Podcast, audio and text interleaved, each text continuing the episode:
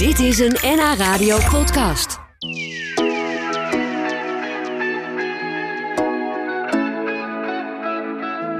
Het is eh, warm en droog en sommigen van ons genieten daar uitbundig van. Het is natuurlijk ook lekker als je vrij bent en in de buurt van het water.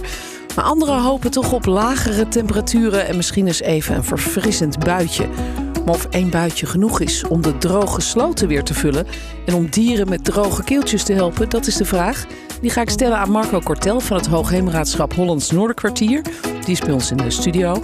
En ook aan Mark Plomp van het Vogelinformatiecentrum op Texel. Hem bel ik later even. Marco, jij zit eh, bij ons in de studio. Ehm, we hebben elkaar laatst ook wel eens aan de telefoon al gehad over de, de droogte in Noord-Holland. Hoe is het op dit moment? We zijn inmiddels weer ruim een week verder. Het heeft nog steeds niet geregend. Dus het is nog droger.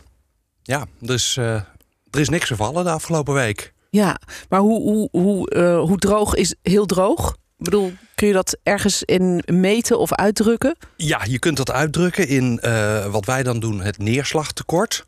Eh, neerslagtekort is eigenlijk een optel-aftreksom tussen wat valt er aan regen eh, minus de verdamping. Nou, je kan je voorstellen op een dag als deze, dan verdampt er heel veel water uit de sloten, maar ook uit het land. Ehm, en als je dat aftrekt van eh, de regen die niet valt, krijg je een negatief getal. Aha. En het neerslagtekort op dit moment in ons gebied, dus het noorderkwartier, dus ten noorden van Amsterdam, is eh, rond de 240 mm. Tekort. dat, is een, dat is een tekort. Ja, en, en is dat iets, eh, is dat een eh, getal wat, wat veel erger is dan in andere zomers? Of is dit wel iets wat, wat vaker terugkomt? Ehm, zo hoog als deze hebben we het niet vaak. Eh, deze zomer kun je denk ik inmiddels gaan scharen onder de vijf droogste zomers van. eh, ja, vanaf het moment dat eigenlijk eh, de statistieken zijn bijgehouden. Het Wanneer was dat? Dat is vanaf eh, 1906. Zo. Toen is het KNMI begonnen met statistieken. En ja, elk jaar wordt in die statistieken verwerkt. En deze zomer hoort bij de vijf droogste van pak een beetje de afgelopen 120 jaar. Ja, en, en wanneer waren die, die droge zomers? Want ik kan me herinneren dat een paar jaar geleden, 2018 denk ik, of 19 was ook zo'n droge zomer. Ja. Toen hadden we ook een aantal hittegolven. 2018 was echt een hele droge zomer. Zover zijn we nu nog niet. Die zit niet in de top 5, maar die zit in de top 2. Ehm, de top 1 is eh, nog steeds 1976. Eh, sommige mensen zullen die misschien nog wel herinneren. Eh, 1976, ik kom zelf uit de Achterhoek. Ehm, je kon bij ons vanuit huis kon je de bosbranden op de Veluwe zien. Zo, Eh, dus ehm, ja, daar herinner ik mij 76 aan. Maar 2018, kort geleden eigenlijk, was ook een hele droge zomer. Ja, en hoe erg is dit voor bijvoorbeeld de sloten en de dijken in het gebied waar jij dan eh, over gaat, zeg maar, boven Amsterdam? Ja, dit, dit is erg. Ehm, eh, de sloten staan niet droog. Dat komt omdat we gelukkig het IJsselmeer en Markermeer naast de deur hebben. Dus normaal gesproken pompen wij uit de polders het water weg naar die grote meren. Maar nu laten we het omgekeerd. Eh IJsselmeer en Markermeerwater laten we het gebied in. Er komt niks uit de lucht vallen, dus moet het horizontaal naar binnen komen. Ah, zo gaat dat. Jullie Ja. tappen eigenlijk af vanuit het, eh, het IJsselmeer. Ja, ja, we noemen het een beetje de nationale regenton. Ja. En eh, daar, daar zijn wij overigens niet de enige die dat water gebruiken. Dat doet ook Friesland, Overijssel, de Flevopolders, Noordoostpolder. tuurlijk. Aan alle iedereen, kanten. Iedereen maakt daar gebruik van.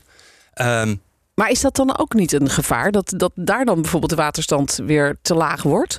eh, dat is niet onuitputtelijk. Nee. Want dan komen we even iets grotere schaal. eh, heel Nederland. Ehm, heel veel eh, water in Nederland komt via de Rijn en de Maas ons, ons land binnen. Ehm, en je zult het misschien al eh, gehoord hebben. De Rijn begint lager en lager te staan. Ja. De vrachtschepen hebben last van Ja. de lage waterstand.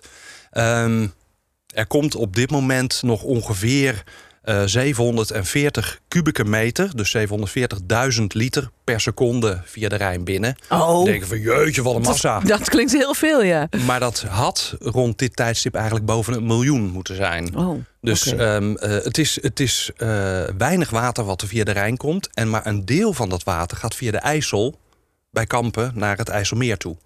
En eh, daarmee wordt het IJsselmeer en het Markermeer gevuld. Ja. Of de regen, maar die is er dus niet. En dat betekent dat we op dit moment aan het interen zijn op onze voorraden. Ja, Ja, dus dat, dat kan niet eindeloos doorgaan natuurlijk. Dat begrijp ik. Ehm, jullie zijn ook bezig met eh, de dijken. Uh, het gaat dus niet over alleen de sloten, maar ook de dijken. Want, vertelde je laatst, u even telefonisch in de uitzending was...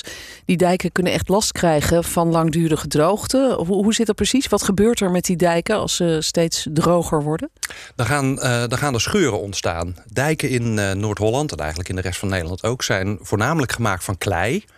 Um, je kent het misschien nog van de lagere school van vroeger. Je had zo'n grote ton met, een, met water erin. En ja. lagen die klonten grijze klei in. Dan moest je met je duim dan zo'n gaatje indrukken. En dan bleef dat nat en kneedbaar. Op het moment dat die klont eruit is... en hij staat aan de, aan de lucht eigenlijk, droogte... Dan, um, uh, uh, dan gaat hij scheuren. En hij wordt snoeihard. En dat is eigenlijk wat dijken ook doen. En um, we hebben een aantal dijken in het zuiden van ons werkgebied. Dus de regio Waterland-Zaanstreek. Daar is een, uh, een kleilaag ligt er bovenop die dijk. Maar het binnenste van die dijk bestaat nog uit veen. Dat hebben onze verre voorvaderen gebruikt als bouwmateriaal. En daar zijn wij op voort gaan borduren. Als die klei scheurt, kan er lucht bij dat veen komen. En dan kan dat veen in die dijk kan uitdrogen. Dan kun je je misschien voorstellen dat het gewicht van zo'n dijk... die water moet tegenhouden, in de sloten bijvoorbeeld... of in uh, de kanalen, uh, dat het gewicht te laag wordt en dat zo'n dijk dus kwetsbaar wordt. Ja. Dus dat willen we heel goed in de gaten houden. Ja, dat doen jullie met inspecteurs. Die lopen uh, te voet, meter voor meter de dijken af? Serieus, te voet. Um, uh, die, uh, die droogtegevoelige dijken, dat is ongeveer 60 kilometer. Um, we hebben natuurlijk veel meer dijken. We hebben bijna 1500 kilometer aan dijken. Maar die droogtegevoelige dijken, dat is 60 kilometer. Die werden twee weken geleden in duo's geïnspecteerd, te voet. Dus stapje voor stapje, prikstokken hier en daar, kijken hoe diep een scheur is, kijken of je andere vegetatie tegenkomt of natte plekken, want dat kan duiden op een lekkage. Ja. En um, ja, dat is allemaal in kaart gebracht. Ja, wat is de conclusie van die inspecteurs? Wat, wat melden zij terug? De algemene conclusie is. Um, naar de omstandigheden, die disclaimer moet ik er altijd bij zeggen. Maar naar de omstandigheden liggen onze dijken er goed bij. Oh, gelukkig. Ja. ja zijn er al wel wat uh, reparaties geweest? Hebben jullie wel plekken gevonden waarvan je dacht, er moet toch gelijk nu even iets aan gedaan worden? Ja, er zijn wel wat uh, plekken gevonden en daar moest wat aan gedaan worden. Dat waren ook plekken die al uh, bekend waren. Um, en daar zijn wel wat reparaties uh, uh, uitgevoerd. Ja, dan gaat het volgende week regenen. Vanaf maandag is de verwachting. Uh, ja. ja, je steekt je handen in de lucht. Hoera, hoera. Ja. Dat is echt fijn. We gaan allemaal naar buiten rennen, denk ik, om het te verwelkomen. Ja. Ehm, maar hoeveel regen is er nodig om, om dit enorme tekort weer weg te werken? Ja, uh, ik vertelde net van het rekensommetje. Ja, die 240 uh, dus, uh, pak een beet dat, dat tekort van 240 mm ongeveer. Um, om het naar nul te brengen zou je dus 240 mm regen nodig hebben. Um, dat, is, uh, dat is vreselijk veel. Uh, ja. Om je een idee te geven, die enorme regenbui die wij afgelopen zomer hadden, de zomer van uh, 2021, dat was hier en daar in anderhalf uur 100 mm en dat leidde tot gigawateroverlast. Ja, dat waren die overstromingen dat, ook in Valkenburg en zo. Heb je ja, het daarover? dat was een die... maand later ja, inderdaad. Er kwamen ook gigantische klappen regen naar beneden. Um, dat, dat kan het land uh, niet verwerken. Dat kan, de sloten kunnen het niet verwerken, het land kan het niet verwerken. Dat, dat is gewoon te veel tegelijk. Wij zeggen altijd, um, als de regen de gelijke tred met de verdamping kan houden... dus elke dag drie, vier, misschien vijf millimeter regen... Heerlijk. Ja, dat Alles zou blijft perfect vochtig, zijn. de dijken ja. blijven klam en stevig. De agrariërs hebben voldoende water op hun uh, land. De natuur heeft uh, voldoende water om te kunnen groeien en bloeien. Ja, maar ja, we hebben is het niet voor zeggen. Nee. nee, goed. Dat, dat kunnen we niet zo uitkennen. Maar laten we hopen dat er inderdaad vanaf maandag dan wel genoeg water valt. om in elk geval even deze ergste nood een beetje te lenigen. We praten zo nog even verder over de droogte. En dan horen we ook hoe de trekvogels daar last van hebben op Texel. Dank voor nu in elk geval. Marco, we, uh, blijf daar vooral lekker bij zitten. Dan uh, horen we jou zo ook nog wel eventjes terug. Marco Kortel is hier van het Hoogheemraadschap Hollands Noorderkwartier. Van hem hoorden we net al wat de droogte doet met de sloten en de dijken. En dat er water vanuit het IJsselmeer gehaald wordt om de droogte een beetje tegen te gaan in het land.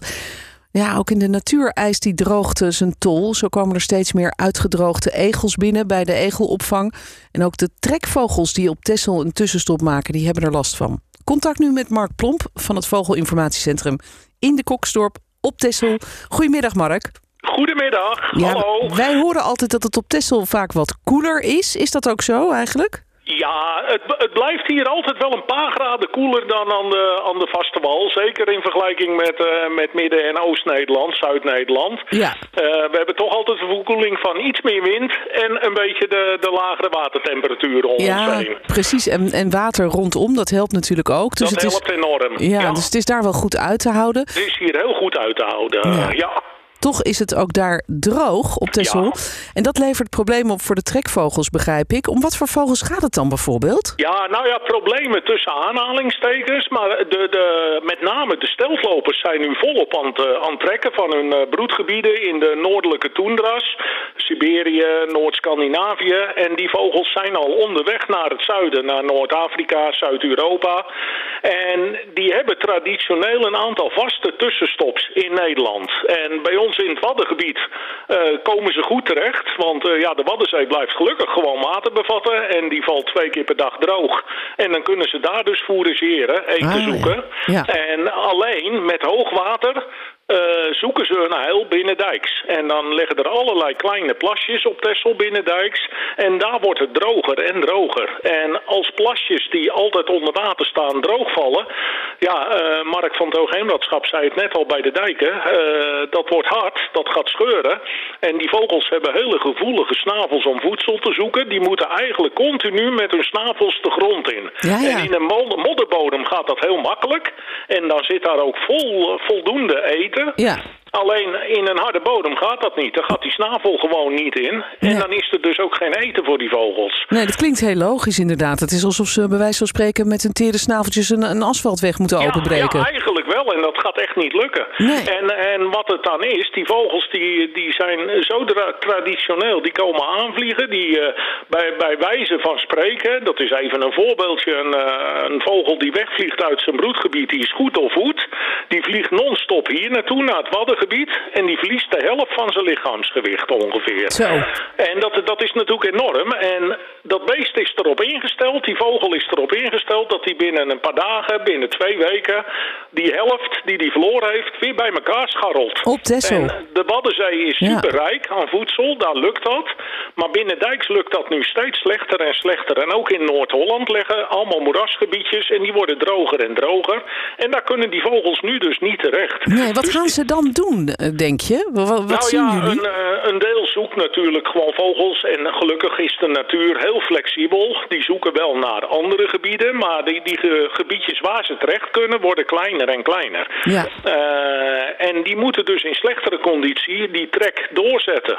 En ja, de een zal dat wel halen, de ander zal dat niet halen. Nu is dat echt niet zo dramatisch dat nu de helft van de trekvogels uitgehongerd neerstort omdat het droog is. Verre van dat. Oké, gelukkig. Gelukkig, absoluut niet.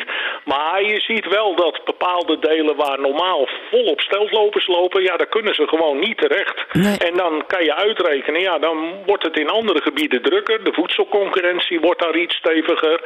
En wat ook een probleem is, in bepaalde gebieden slapen die vogels. Ja. En eh, trekvogels die eh, gebruik maken van de Waddenzee, die slapen alleen tijdens hoogwater twee keer per dag. Dan Oh. hebben ze een uurtje rust, want die andere tijd gebruiken ze om eten te zoeken. Eh, bij laagwater, bij als het water gaat zakken, gaan ze eten zoeken.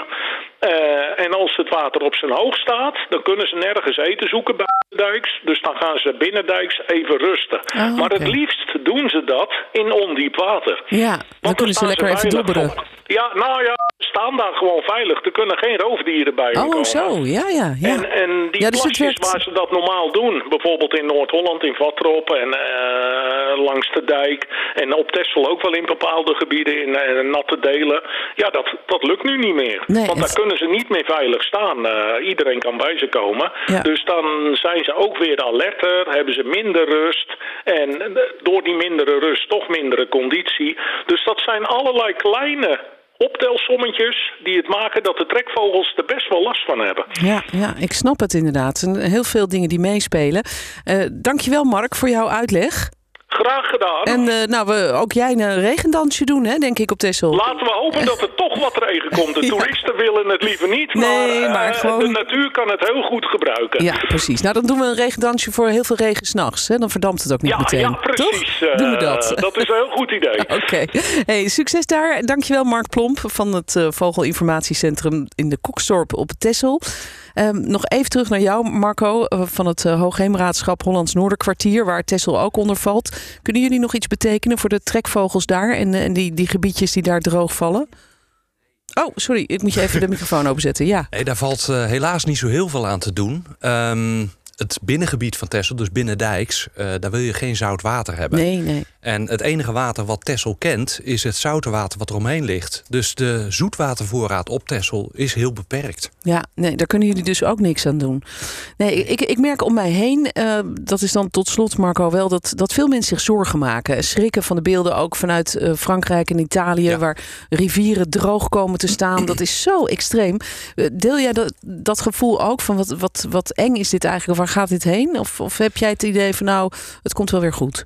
Um, ik denk dat het anders gaat worden. Um, uh, eng, uh, dat, dat zou ik niet zeggen.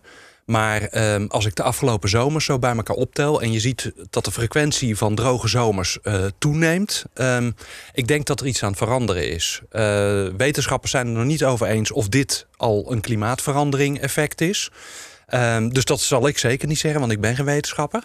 Maar um, uh, ik merk wel dat we uh, nattere winters en uh, drogere zomers aan het krijgen zijn. Ja. En ja, hier zullen we mee moeten dealen. Ja, daar moeten we ons op aanpassen. Nou, jullie zijn met het Hoogheemraadschap in elk geval druk bezig om, om het goed bij te houden en te controleren of het allemaal goed gaat met de dijken en de sloten. Dank dat je hier was bij ons in de studio. Graag gedaan. Marco Kortel. uitnodiging. Ja, van het Hoogheemraadschap Hollands Noorderkwartier. Dit was een NH Radio podcast. Voor meer, ga naar nhradio.nl NH Radio